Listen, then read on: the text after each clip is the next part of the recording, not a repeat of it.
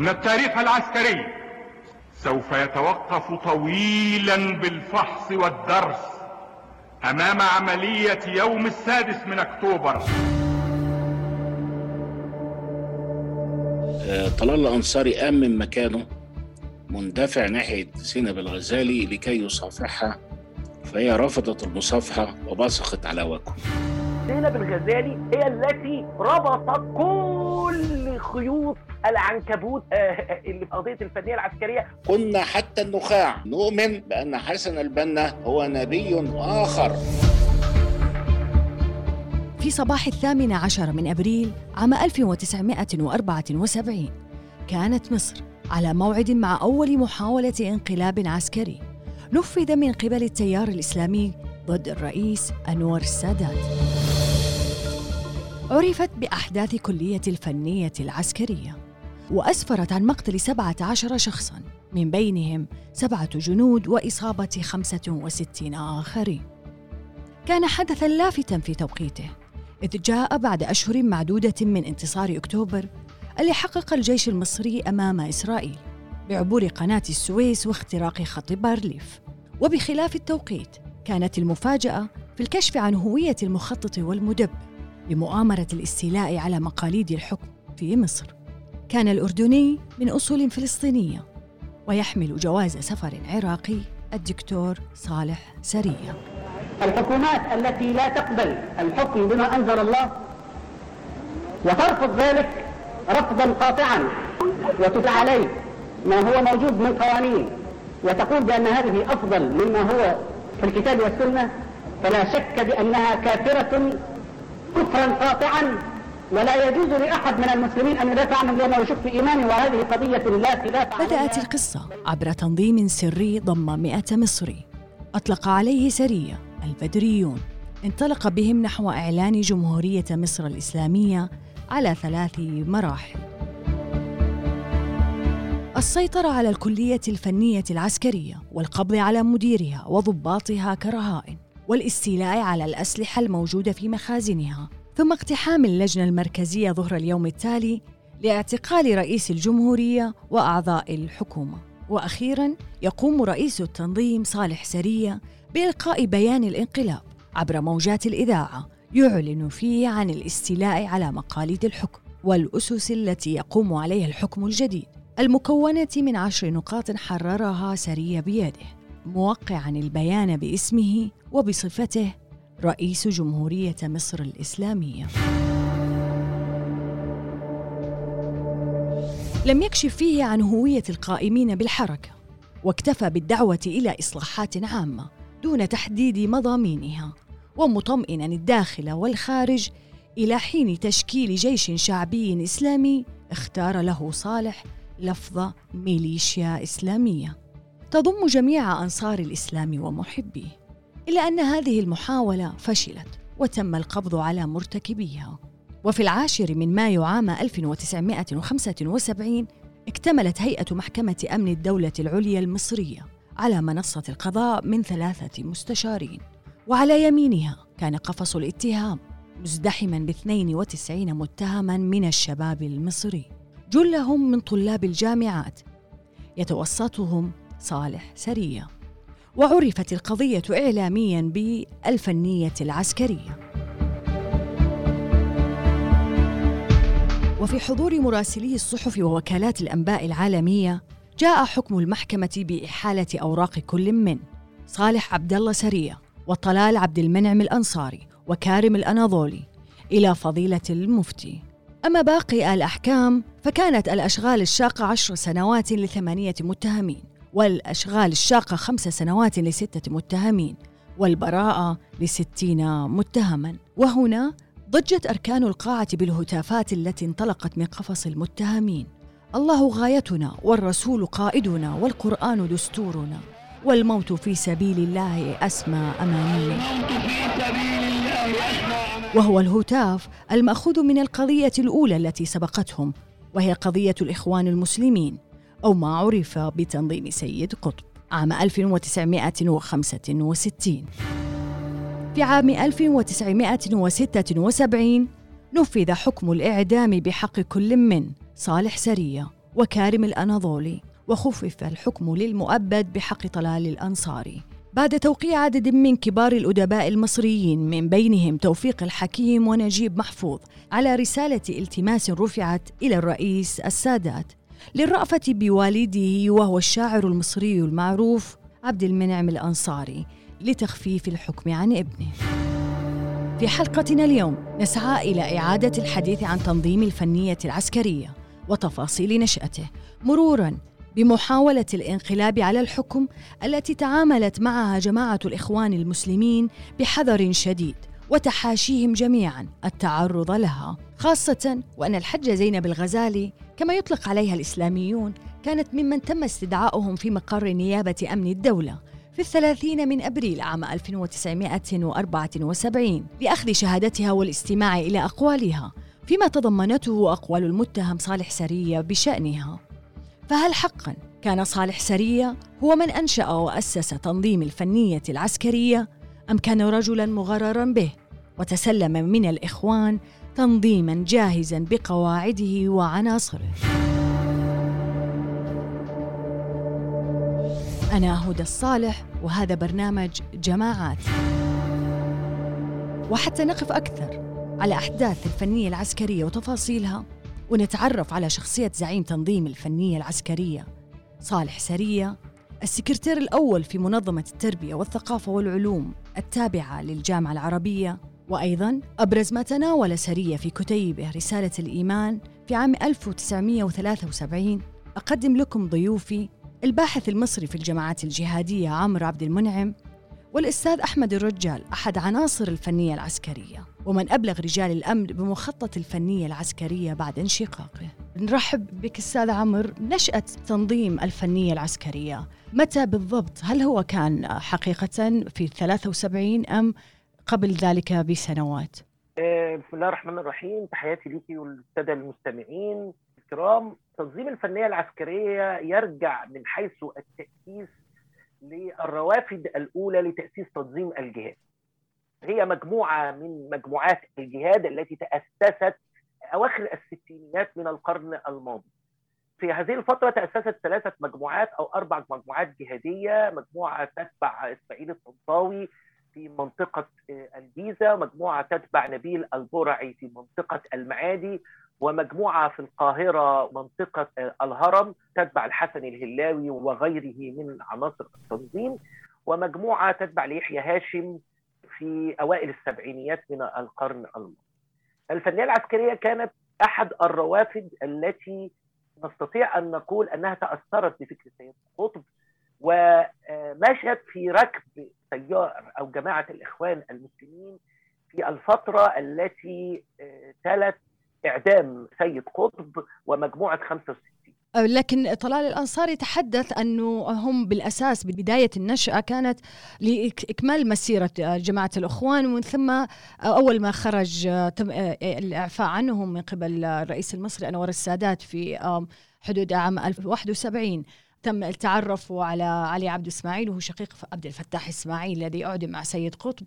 ومن ثم بدأت رحلتهم مع مبايعة المرشد العام للجماعة الأخوان وأصبحوا جزء هذا من... كلام صحيح. كلامك حضرتك صحيح جدا. علي عبد إسماعيل اللي هو شقيق عبد الفتاح إسماعيل اللي أخذ إعدام في قضية سيد قطب في 65 وعلي عبد إسماعيل بالمناسبة هو يعني الشخصية الحقيقية أو الشخصية الغامضة التي تبنت أو كانت هي الأساس في معظم التيار الجهادي أو دعوة معظم التيار الجهادي من خلاله لبيعة الإخوان المسلمين وتحديدا الهضيبي. طبعا إحنا معنا الأستاذ أحمد الرجال وهو أحد أعضاء الفنية العسكرية سابقا وهو اللي يعني بناخذ منه المعلومات بشكل دقيق أستاذ أحمد. لو تحكي لنا حضرتك في أي مرحلة انضممت لهذه لهذا التنظيم وشو المؤثرات الفكرية الحقيقية لبدايه مجموعة شباب الفنية العسكرية؟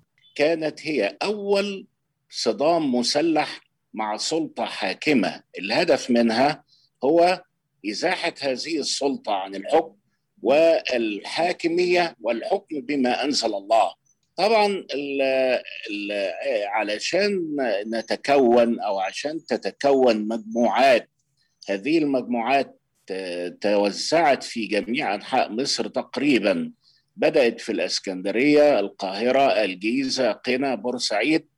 هذه المجموعات اجتمعت على مقولة واحدة وعلى قول واحد وعلى فلسفة واحدة وهي ضرورة استعمال القوة لإزاحة الطاغوت الجاثم على حكم البلاد في ذلك الوقت وهو أنور السادات ومن حوله. أنور السادات في رأينا كان هو امتداد لمن قاموا بحركة 52 هو امتداد لجمال عبد الناصر وهو أعلن أكثر من مرة أنه مسؤول عما فعل جمال عبد الناصر. طبعا لو استحضرنا الفترة ديت اللي هي فترة ما قبل 71 فترة ما قبل 70 فترة ما بعد نكسة وهزيمة 67 كنا مجموعة من الشباب الغض اللي يا دوبك لسه ملتحقين بالجامعة ولكن مش ملتحقين بالجامعة. يعني كنا لسه في مرحلة ثانوي كده وعلى وشك إن إحنا نلتحق بالجامعة. في خلال الفترة ديت كان في عملية شحن ضخمة جدا جدا فوق طاقة شباب غض أقل من عشرين سنة. يسمع ويصدق كل ما يقال.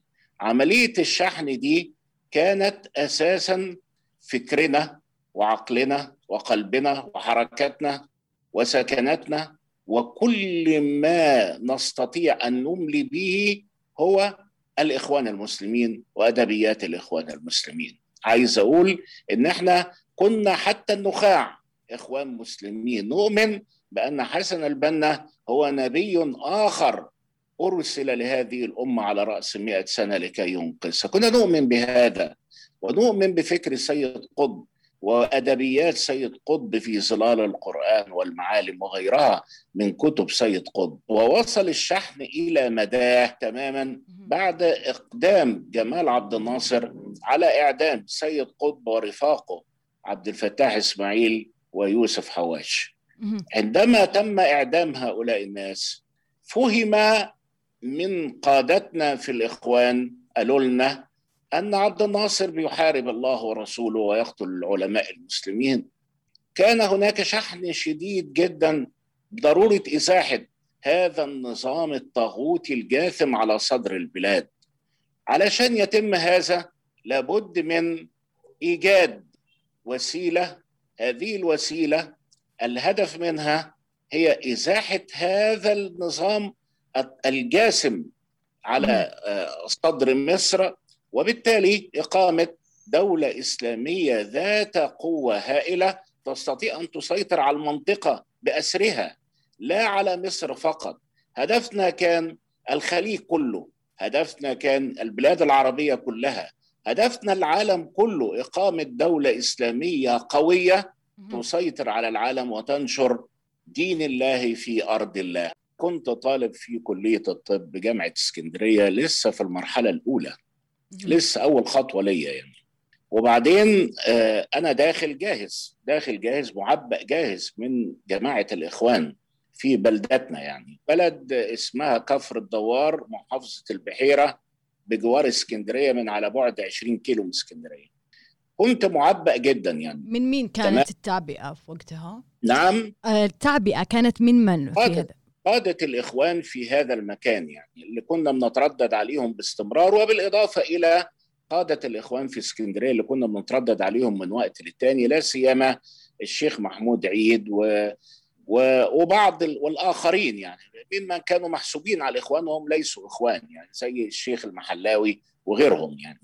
طبعا الشيخ محمد بسيوني هو من قاد مجموعة المجموعة هو إخوانجي أصيل ومن قادة الإخوان اللي قادوا جماعة الإخوان في جماعة الفنية العسكرية في الإسكندرية. لما انضميت أنت للتنظيم شو يعني الإعداد الروحي والبدني في اجتماعات لعناصر هذا التنظيم؟ لو ودي تحكي لي شو البرنامج كان, كان الإعداد كان الإعداد كله كله حول الفريضة الغائبة الجهاد. الجهاد هو الطريق الوحيد لإقامة الدولة الإسلامية. الجهاد هو الطريق الوحيد لإزاحة الأنظمة الكافرة التي لا يجوز موالاتها ومن يوالي هذه الأنظمة الكافرة هو كافر. شو المعسكرات اللي كنتوا تتدربوا فيها؟ ولأي مدى موضوع المقاومة أو الفداء للحركات المسلحة اللي فيما يتعلق في فلسطين؟ هو التركيز التركيز دايما كان منصب على القوى البدنية والإعداد البدني والإعداد العسكري البسيط يعني مش الضخم حتى لا يتم رصدنا يعني. تمام؟ يعني الإعداد البدني كنا نستطيع في ذلك الوقت إن إحنا نطوف حول ملعب ملعب كرة قدم مثلا يعني 22 مرة. كنا نستطيع أن نسير سيرا على الأقدام حوالي من 20 إلى 25 كيلو مثلا بدون أي إجهاد وبدون أي تعب ووصلنا إلى مستوى من اللياقة البدنية قوي جدا. ال ال ال الاعتماد بقى هنا كان كنا معتمدين على ما يسمى بالتوسمات. التوسمات بمعنى إيه؟ بمعنى إنك أنت مش شرط إنك تصلي إلى قوة العدو وما معه من عتاد.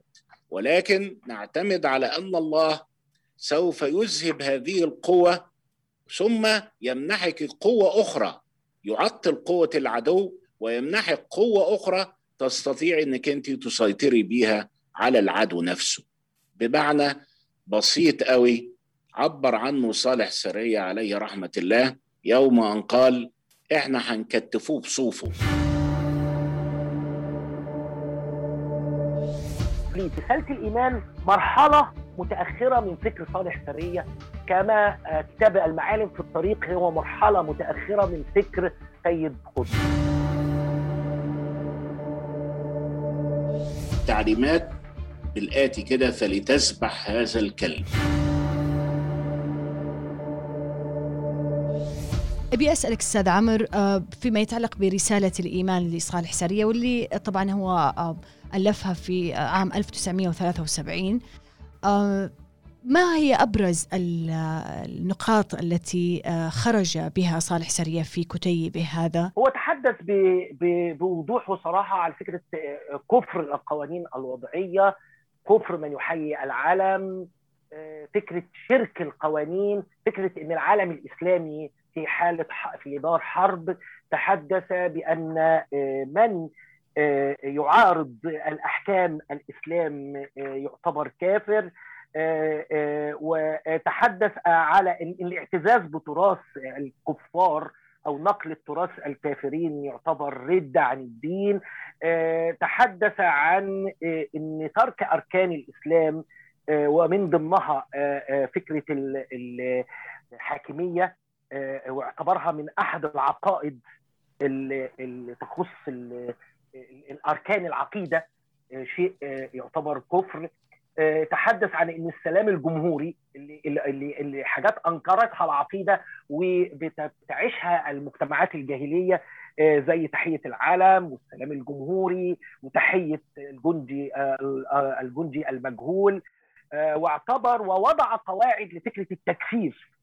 انه تكفير فكرة لما يكفر الكافر وفكرة إن إنه إن الحاكمية من أصل العقيدة أنا وقعت على بعض أدبياته أو بعض يومياته في الدين والحياة وخطب الجمعة رسالة الإيمان تختلف عنهم إلى حد ما كذلك تختلف عن كتابه المهم الكتاب اللي هو كان اللي انت حضرتك تفضلتي وذكرتيه التعليم العرب في إسرائيل. نعم. الكتاب ده كتاب مهم جدا.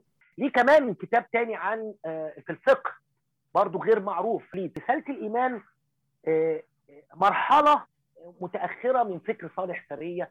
كما كتاب المعالم في الطريق هو مرحلة متأخرة من فكر سيد قطب.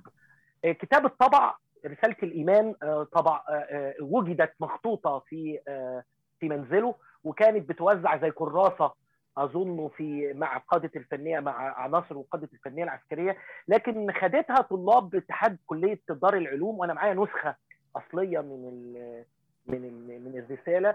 اتحاد كلية طالع من جامعة القاهرة كان سنة 76 و77 يعني الفترة اللي تم القبض فيها على التنظيم تم تسريب الرسالة وطبعت طبعة شعبية صغيره الحجم وكانت توزع بكثافة بين الطلاب.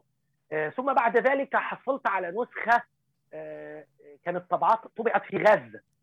أظن طبعتها حركة حماس. ما أعرفش ليه برضه. يعني أنا برضه مش مش عارف. وطبعت حركة حماس كتاب الفريضة الغائبة وبعض كتب تيار الجهاد. وفي الفترة اللي هي من 89 لحد واحد 89 90 91 في الفترة دي طب أستاذ أحمد بسألك إيش كانت المهمة اللي تم تكليفك بها في الاقتحام الكلية الفنية العسكرية؟ الفنية العسكرية لها أبواب حراسة وعلى كل باب من أبواب الحراسة دي في اثنين من العساكر المدججين بالسلاح لحماية المبنى ده أو المنشأة العسكرية دي لأن إحنا كنا في ذلك الوقت وكل وقت يعني ولكن بالذات الوقت ده كان في حالة طوارئ لأن إسرائيل كانت في الكيلو 101 لسه لسه محادثات الكيلو 101 اللي بيقودها الجنرال المصري عبد الغني الجمصي وكانوا بي يعني بيتفاوضوا من أجل الجلاء عن سيناء أو عن مكان معين حدود معينة في سيناء فكان العساكر دول اثنين من العساكر منوط لهم حماية بوابة رقم باء أو رقم اثنين في المعهد العسكري ده الكلية العسكرية. كانت أنا كنت على رأس مجموعة مكونة من ثلاث أفراد. الثلاث أفراد دول مهمتهم إن هم يهجموا على عسكري من الاثنين دول ويطرحوه ارضا ثم أقوم أنا بذبحه آه وأعطوني وأعطوني مديه هذه المديه تستخدم في ذبح هذا العسكري سكين تقصد يعني مدية آه سكين مطوة حاجة كده يعني. هل كان طعنه أم نحره؟ لأن لا نعرف. لا التعليمات بالآتي كده فلتذبح هذا الكلب. هنا كانت نقطة الفصل بالنسبة لي على الأقل يعني. طبعا لو لم يكن في ذبح كنت أنا من ضمن اللي دخلوا الفنية العسكرية ومن ضمن اللي اشتركوا ومن ضمن اللي هاجموا ومن ضمن اللي عملوا كل شيء وكنت قبليت بلاء حسن لأن يمكن كان أشدهم تعصبا وتشددا واستعجالا للأمر كنت أنا. من أقحم من أقحمها في الموضوع الفنية العسكرية؟ والله في ردين يعني في ردين هنا. الرد الأولاني على عهدة طلال الأنصاري والرد الثاني من واقع التحقيقات. الرد اللي هو من واقع التحقيقات بيقول إن الفنية العسكرية كان فيها بعض الأسلحة بعض الأسلحة للتدريب. وفيها سلاح ليك وفيها أسلحة خفيفة ومتوسطة وفيها دبابتين ثلاثة ومصفحتين ثلاثة لتدريب الطلبة عليها يعني. وإن الهدف إن إحنا هناخد هذه الأسلحة ونتجه إلى حيث يجتمع أنور السادات والحكومة المصرية في خطاب كان هو إيه؟ متعود يقوله سنويا يعني. ويتم إيهام الحرس هناك لأن في مفرقعات وإحنا فريق من الفنية العسكرية جايين عشان نبطل هذه المفرقعات وما إن ندخل إلى القاعة اللي فيها أنور السادات والحكومة المصرية حتى يتم شل حركتهم وأخذ أنور السادات في حجرة جانبية هو وزير الإعلام ونكتبه تنازل عن الحكم وفي صيغة معينة كانت معدة سلفا ويتم اصطحاب وزير الإعلام إلى مبنى الإذاعة والتلفزيون لإعلان تنحي السادات عن الحكم وعهد إلى صالح سرية بأمر الحكومة وناخده البيعة من الجيش ومن الشرطة هكذا كان التصور. هذا هو المعلن في التحقيقات. وأما عما ذكره لي طلال الانصاري شخصيا قال لي إن الفنية العسكرية لم تكن في الموضوع اطلاقا. اطلاقا. عملية الذبح دي وعملية دخول الفنية العسكرية لم تكن في خطتنا إطلاقا. ولكن شاء كارم الأناضولي اللي كان على خلاف مع أساتذته المشرفين على البحث بتاعه لأن هو كان في بكالوريوس وفي بكالوريوس دايما بيبقى في مشروع بحث مشروع تخرج. فكان أنت تقصد ال- بالكلية الفنية العسكرية نفسها؟ نعم نعم. فكان كرم الأناضولي هو أقدم طالب في الكلية في ذلك الوقت وكان على خلاف مع أساتذته. فأراد أن هو يربي أساتذته ويأدبهم فأقحم موضوع الفنية العسكرية علشان يتم ال- السيطرة عليهم وأخذهم وحبسهم وإذلالهم. في هذا اليوم آه، متى متى حضرتك التقيت؟ يعني أنت ذكرت أنت لم تكن تعلم من هو أمير هذا التنظيم؟ من الذي يحرك هؤلاء الشباب جميعهم؟ صحيح صحيح. آه، هو آه، كان لقاء واحد جمعك آه، بالدكتور صالح سرية متى كان وكيف؟ هو في قبل الحدث قبل الواقعة نفسها كان لقاء واحد أرادوا أرادت الجماعة برئاسة صالح سرية إن هي تختبر مدى استعداد ال- الجماعة على الحشد في توقيت معين. إن في منهم من سيأتي من محافظة قنا ومنهم من سيأتي من بورسعيد ومنهم من سيأتي في الإسكندرية. كيف يتم حشدهم في توقيت معين؟ وهو التوقيت اللي, اللي كان مخطط له لاقتحام المبنية الفنية الع- مبنى الفنية العسكرية الساعة واحدة بعد منتصف ليل 18 إبريل 1974 آه، تم استدعائنا إلى محطة المرغاني محطة ترام يعني معينة في القاهرة. آه، التقينا بشاب الشاب ده آه، يعني نحيف الجسد قصير القامة يرتدي آه، قميص آه، أبيض نص كم آه، صافحنا ورحب بينا ثم انصرف. فقط لغيه لم نكن نعرف أن هذا صالح سرية لأن أنا شخصيا لم أقابله من قبل خالص. تمام. صحيح إن أثناء التحقيقات رأيته كثيرا يعني واجتمعنا وجلسنا سويا كثيرا. في آه، قاعة الانتظار التحقيقات فيما بعد يعني. مم. وكان اللي بيحقق معايا هو نفس اللي بيحقق مع صالح سري. تمام؟ مم. فكان في مقابلات يعني هو داخل أنا طالع أنا طالع هو داخل كده يعني. بس أنا أبغى أسمعك مقطع أستاذ أحمد.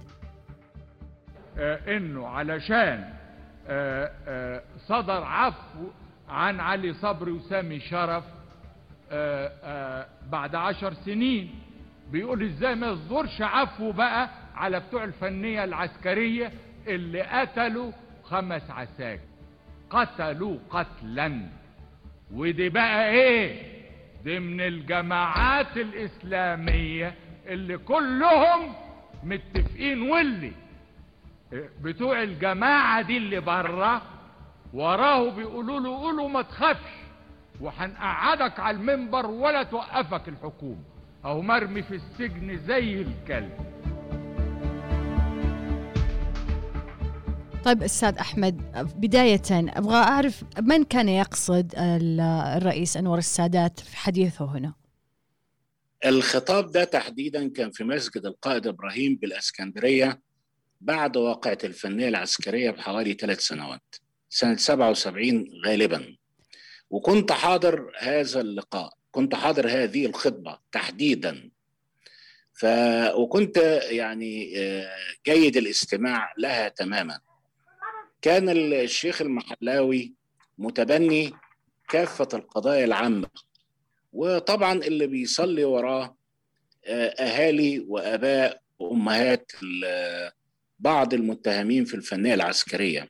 وكانوا بيظنوا بأن الشيخ المحلاوي ذو صلة وثيقة بالدولة وأنه هو بالمسؤولين في الدولة وأنه هو يعني مستطيعوا أن هم ياخدوه كواسطة للإفراج عن أولادهم فخطب الخطاب اللي هو خطبه ولكن لم يكن المحلاوي آه، موفق في كثير مما قال حضرتك أنت ذكرت أن. الشيخ المحلاوي كنت أنت دائم الحضور لدروسه وخطبه في الجامعة تمام هذا قبل ما تنضم يعني كانت أحد تمام. الروافد اللي أثرت فيك فكريا صحيح أم لا؟ كان قبل ما ينضم كان الشيخ المحلاوي في مسجد الشيخ جابر في اسكندرية في وسط اسكندرية هذا كان تمام. عام كم تقريبا تذكر؟ في أواخر الستينات والسبعين انتقل إلى مسجد القائد إبراهيم تقريبا كده وبرضه هو أينما ذهب المحلاوي كنا وراه لو راح حتى آه، تل أبيب هنبقى وراه برضه يعني. فكان الراجل يعني آه، نعشقه ونعشق خطاباته ونعشق فكره وكل شيء يعني. ولم نكن نعترض على أي شيء مما يقوله يعني. كان كانت ذكرت حتى أنها كانت تحريضية في ذاك الوقت يعني كانت تعبوية. آه طبعا هي محاولات تعبوية حشدية محلاوي. لم يكن اخوانيا ول- و- وللآن هو ليس اخوانيا هو جاري على فكرة هنا في اسكندرية.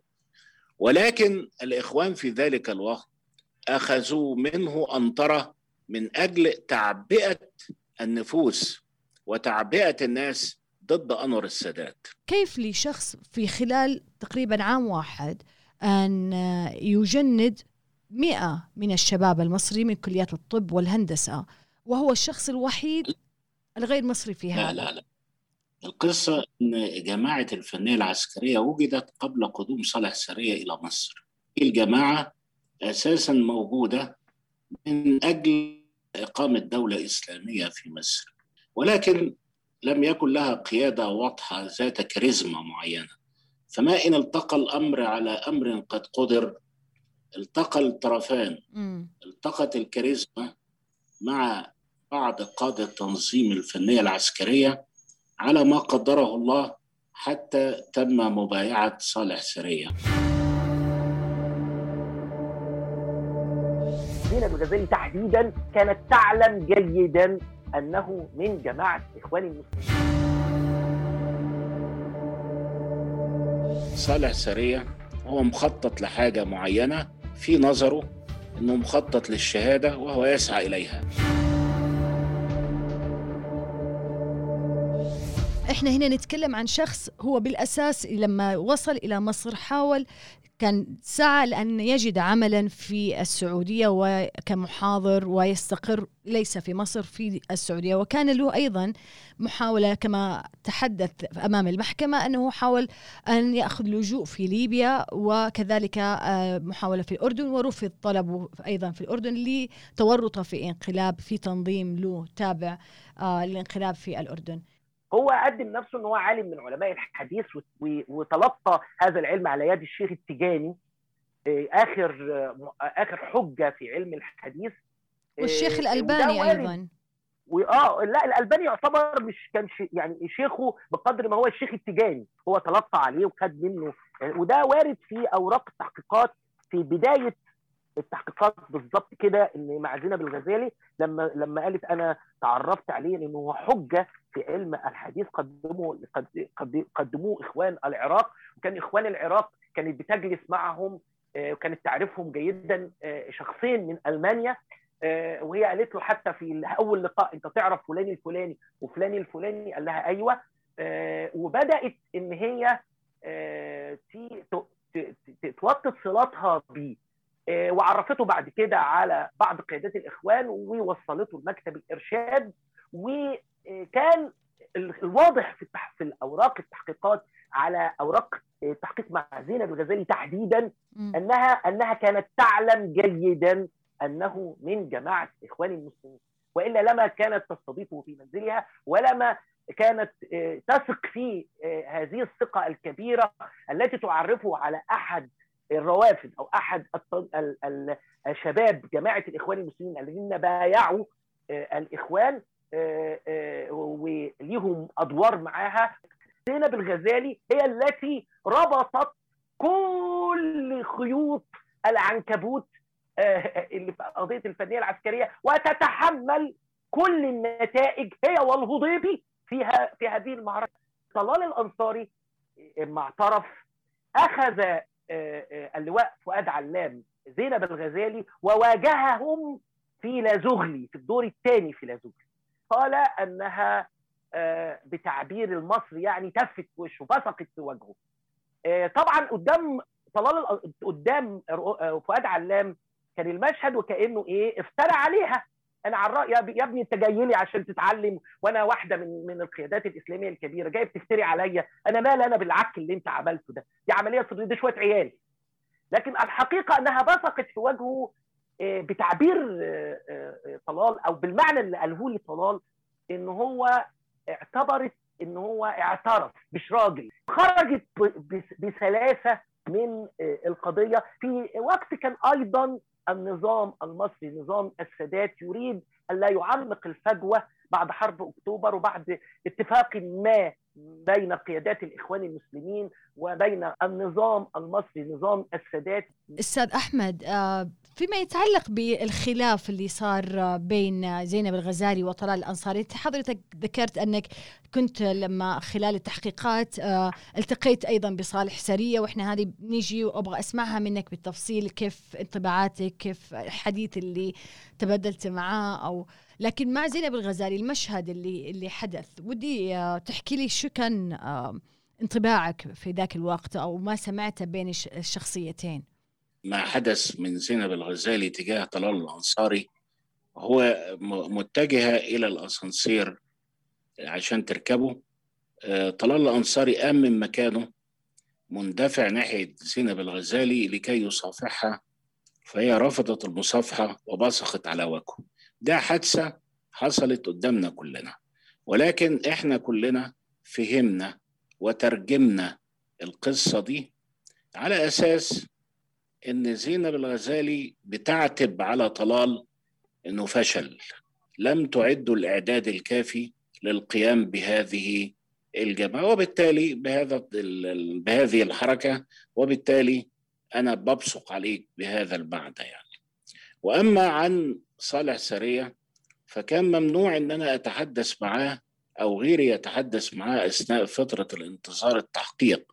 كان هو بيحقق معاه عن طريق أحد المستشارين وأنا بيحقق معايا من نفس المستشار تقريبا يعني. ساعات بيتغير يجي واحد تاني ولكن في مجمله كان نفس المستشار.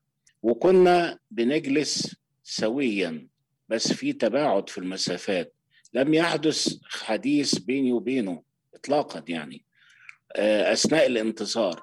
ولكن كان هو دائما يتمتم بكلمات غالبا هي فيها ذكر الله وكان دائما يعني جسور لا يخاف أي شيء شجاع جدا مستسلم لقدره عارف هدفه.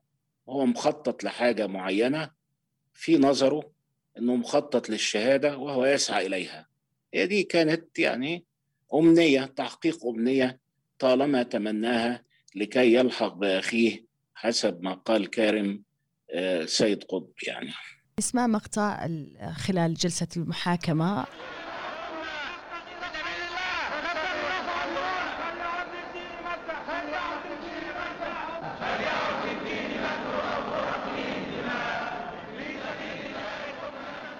أستاذ أحمد الآن لما سمعته ودي نعم. إيش تذكرت؟ آه خاصة طبعا إحنا يعني آه نشير إن حضرتك آه كنت آه تراجعت ورحت بلغت على موضوع المخطط لاقتحام الكلية الفنية العسكرية آه يعني فكنت أنت أحد. العناصر اللي تم استدعائهم لتقديم شهادتهم في خلال المحكمة أبي أسألك هنا شو كان موقف صالح سرية عندما شاهدك وأنت يعني تقدم شهادتك بحق هذا التنظيم نفسه تنظيم هو هو أنا لم أقدم شهادتي في حق التنظيم لأني لم أعرف التنظيم. كيف أشهد على من لم أعرفه؟ لم يحدث. ولكن كان البلاغ نوع من التبليغ تبليغ رسالة. إن ذبح لا ذبح من أجل قيام دولة إسلامية لا ليس على جثة هذا العسكري الناطور ها؟ أستطيع أن أقيم دولة إسلامية اطلاقا. آه بعد ما انتهت القضية وأبلغت آه يعني سيفرج عني مؤقتا على ذمة المحاكمة آه تعرفت على المحامي الأول الخاص بالجماعة اللي هو فايز عبد المعز. هو جالي جالي البيت يعني. فهمت إن لا ده صالح سرية هو ده أمير الجماعة. ودخلت يجمعني أمرين. الأمر الأول محاولة مستميتة مني للدفاع عن الجماعة بأي طريقة.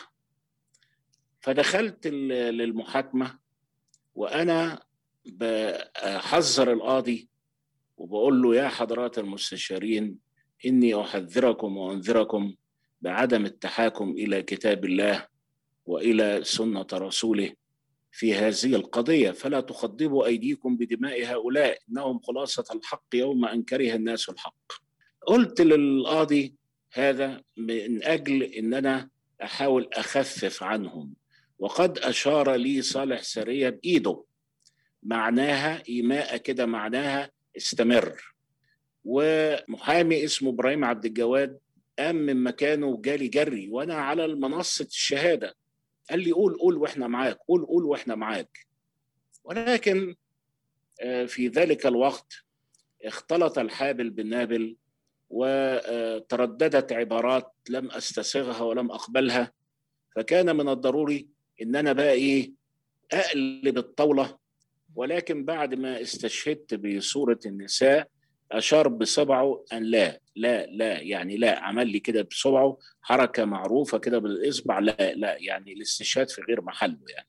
مشاهداتك خلال خلال المحكمة مثلا زوجة صالح سرية أبنائه كذا إيش؟ آه يعني زوجة صالح سرية أنا فوجئت إن هي ما كانتش محجبة يعني.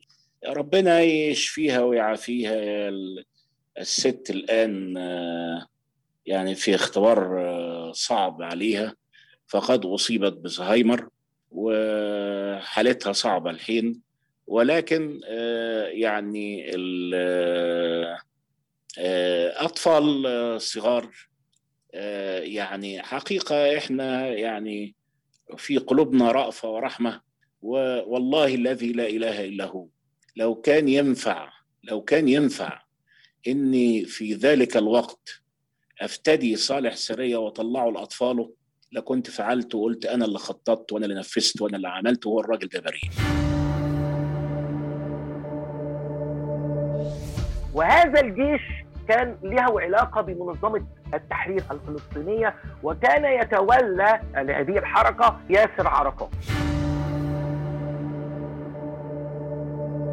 ونهدد بتفجير الطيارة ما لم يفرج عن الثلاثة اللي كانوا محكوم عليهم بالإعدام.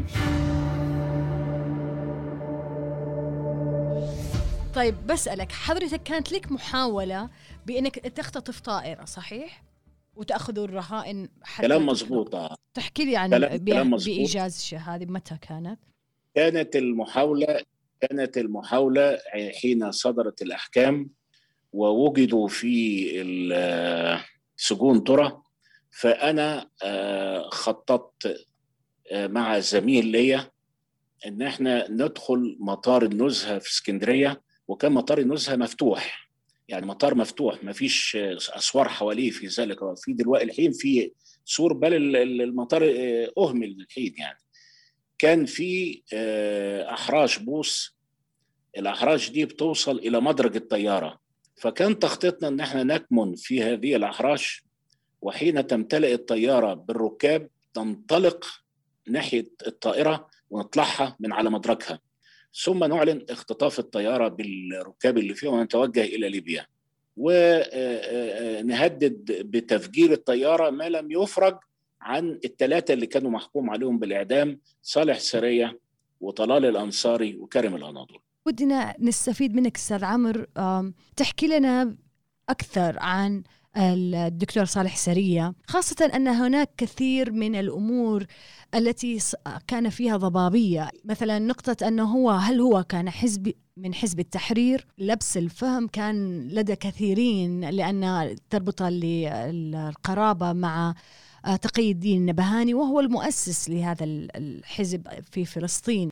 هو ليه صلة قرابة مباشرة ما بينه وما بين تقي الدين النبهاني. ومن هنا جت فكرة الربط ما بين حزب التحرير الإسلامي وما بين صالح إنه لم يكن قيادي في الحزب بالمعنى المعروف أو أو حتى على علاقة بالحزب.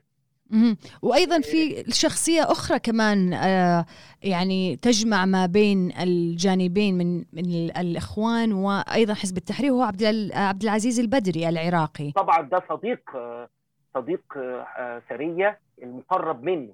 صالح سريه من الشخصيات الغامضة من الشخصيات الهامة في تاريخ الحركات الإسلامية ودعيني أن أقول لك إنه مجمع عليه يعني زي مثلا بن لادن زي عمر عبد الرحمن الجميع يجمعوا على شخصية صالح سريه إنها أثرت وصنعت حالة من التطرف أو من الإرهاب أو العنف الذي كان سياقا يعتمد عليه فيما بعد. زي ما تفضلت حضرتك صالح سرية من مواليد 38 البعض بيقول 36 حصل على درجة الماجستير في كلية التربية عن تطوير التعليم الصناعي في العراق. وبالمناسبة كانت أول رسالة ماجستير من جامعة بغداد في التربية.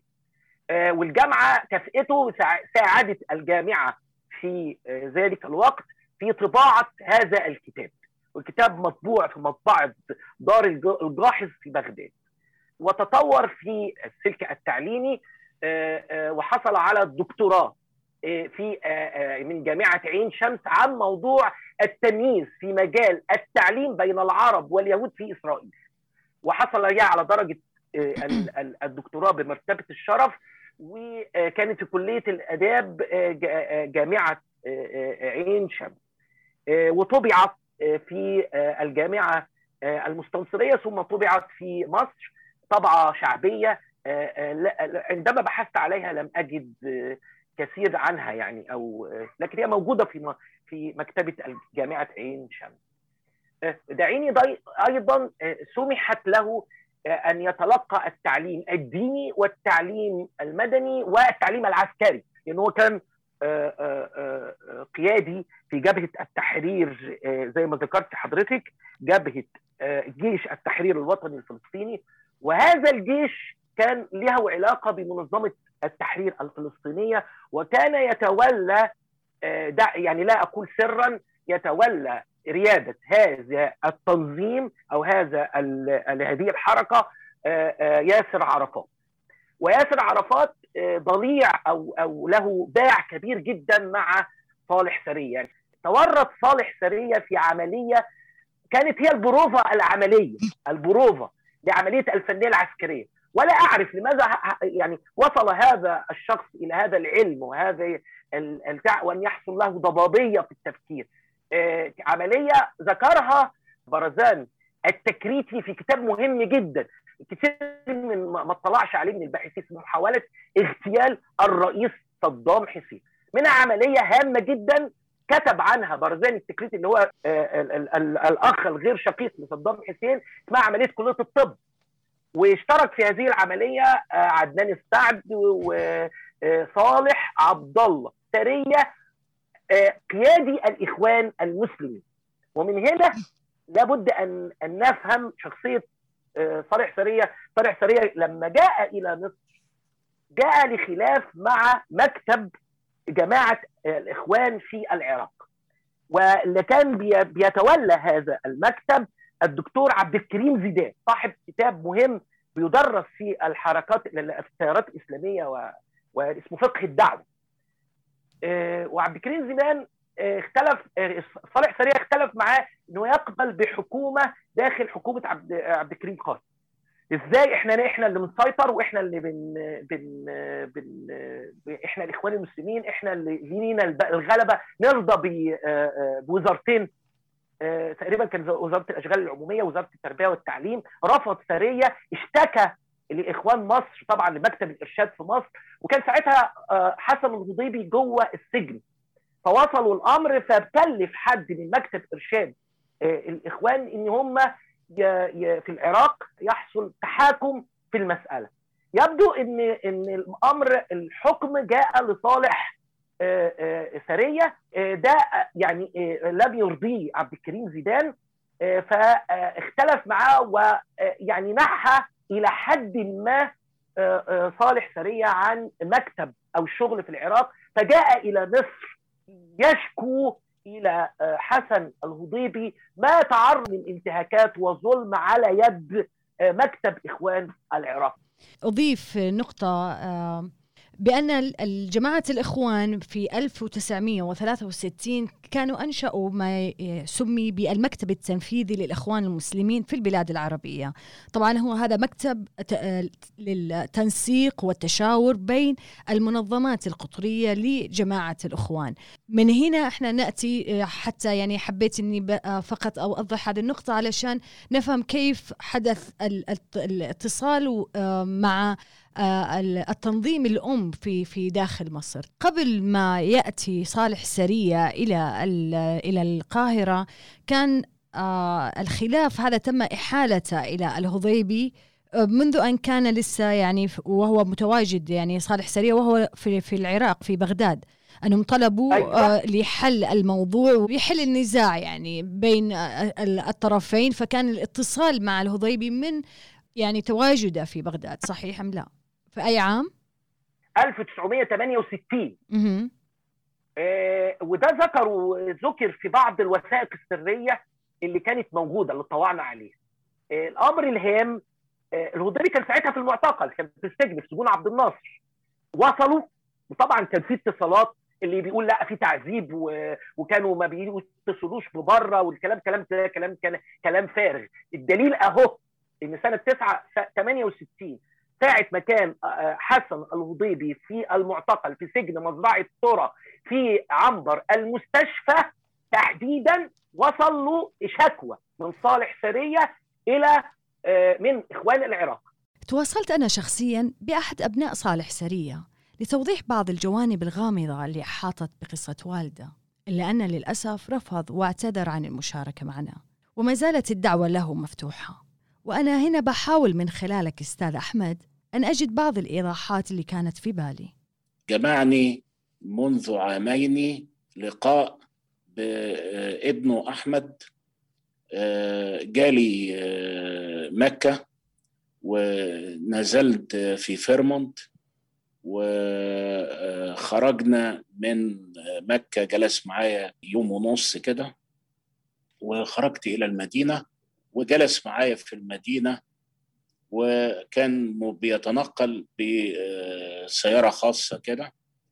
والرجل يعني حكى عن كل شيء في حياة أسرته.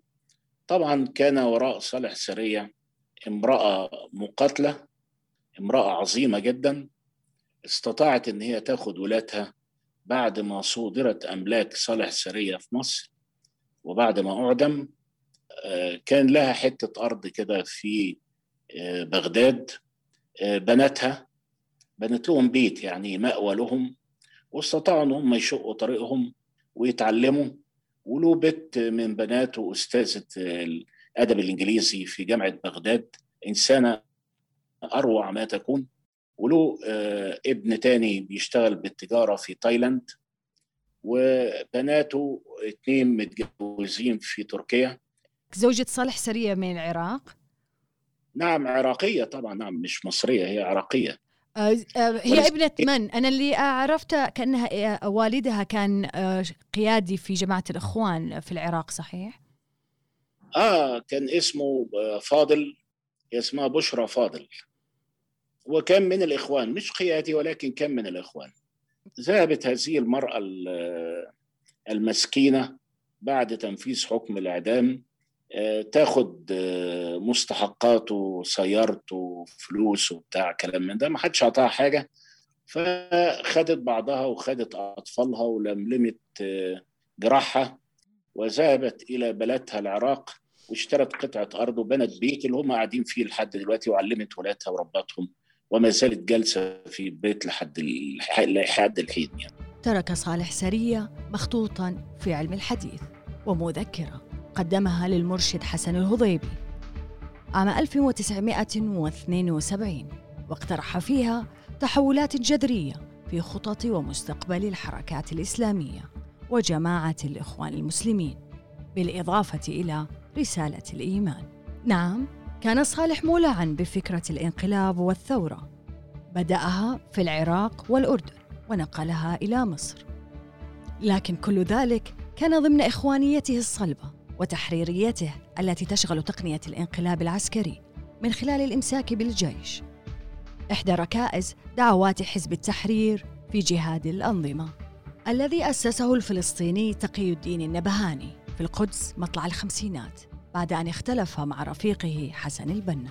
حتى أن جبهة التحرير الفلسطينية التي أسسها سرية واندمجت مع منظمة فتح بالتعاون مع ياسر عرفات وبسببها أصبح عضواً في المجلس الوطني الفلسطيني في عام 1968 لم تكن كما سعى الإخوان إلى إشاعته بأن سرية لا يمثل الجماعة بل ينتمي لأفكار ثورية شيوعية بغرض التقليل من إخوانيته التنظيمية.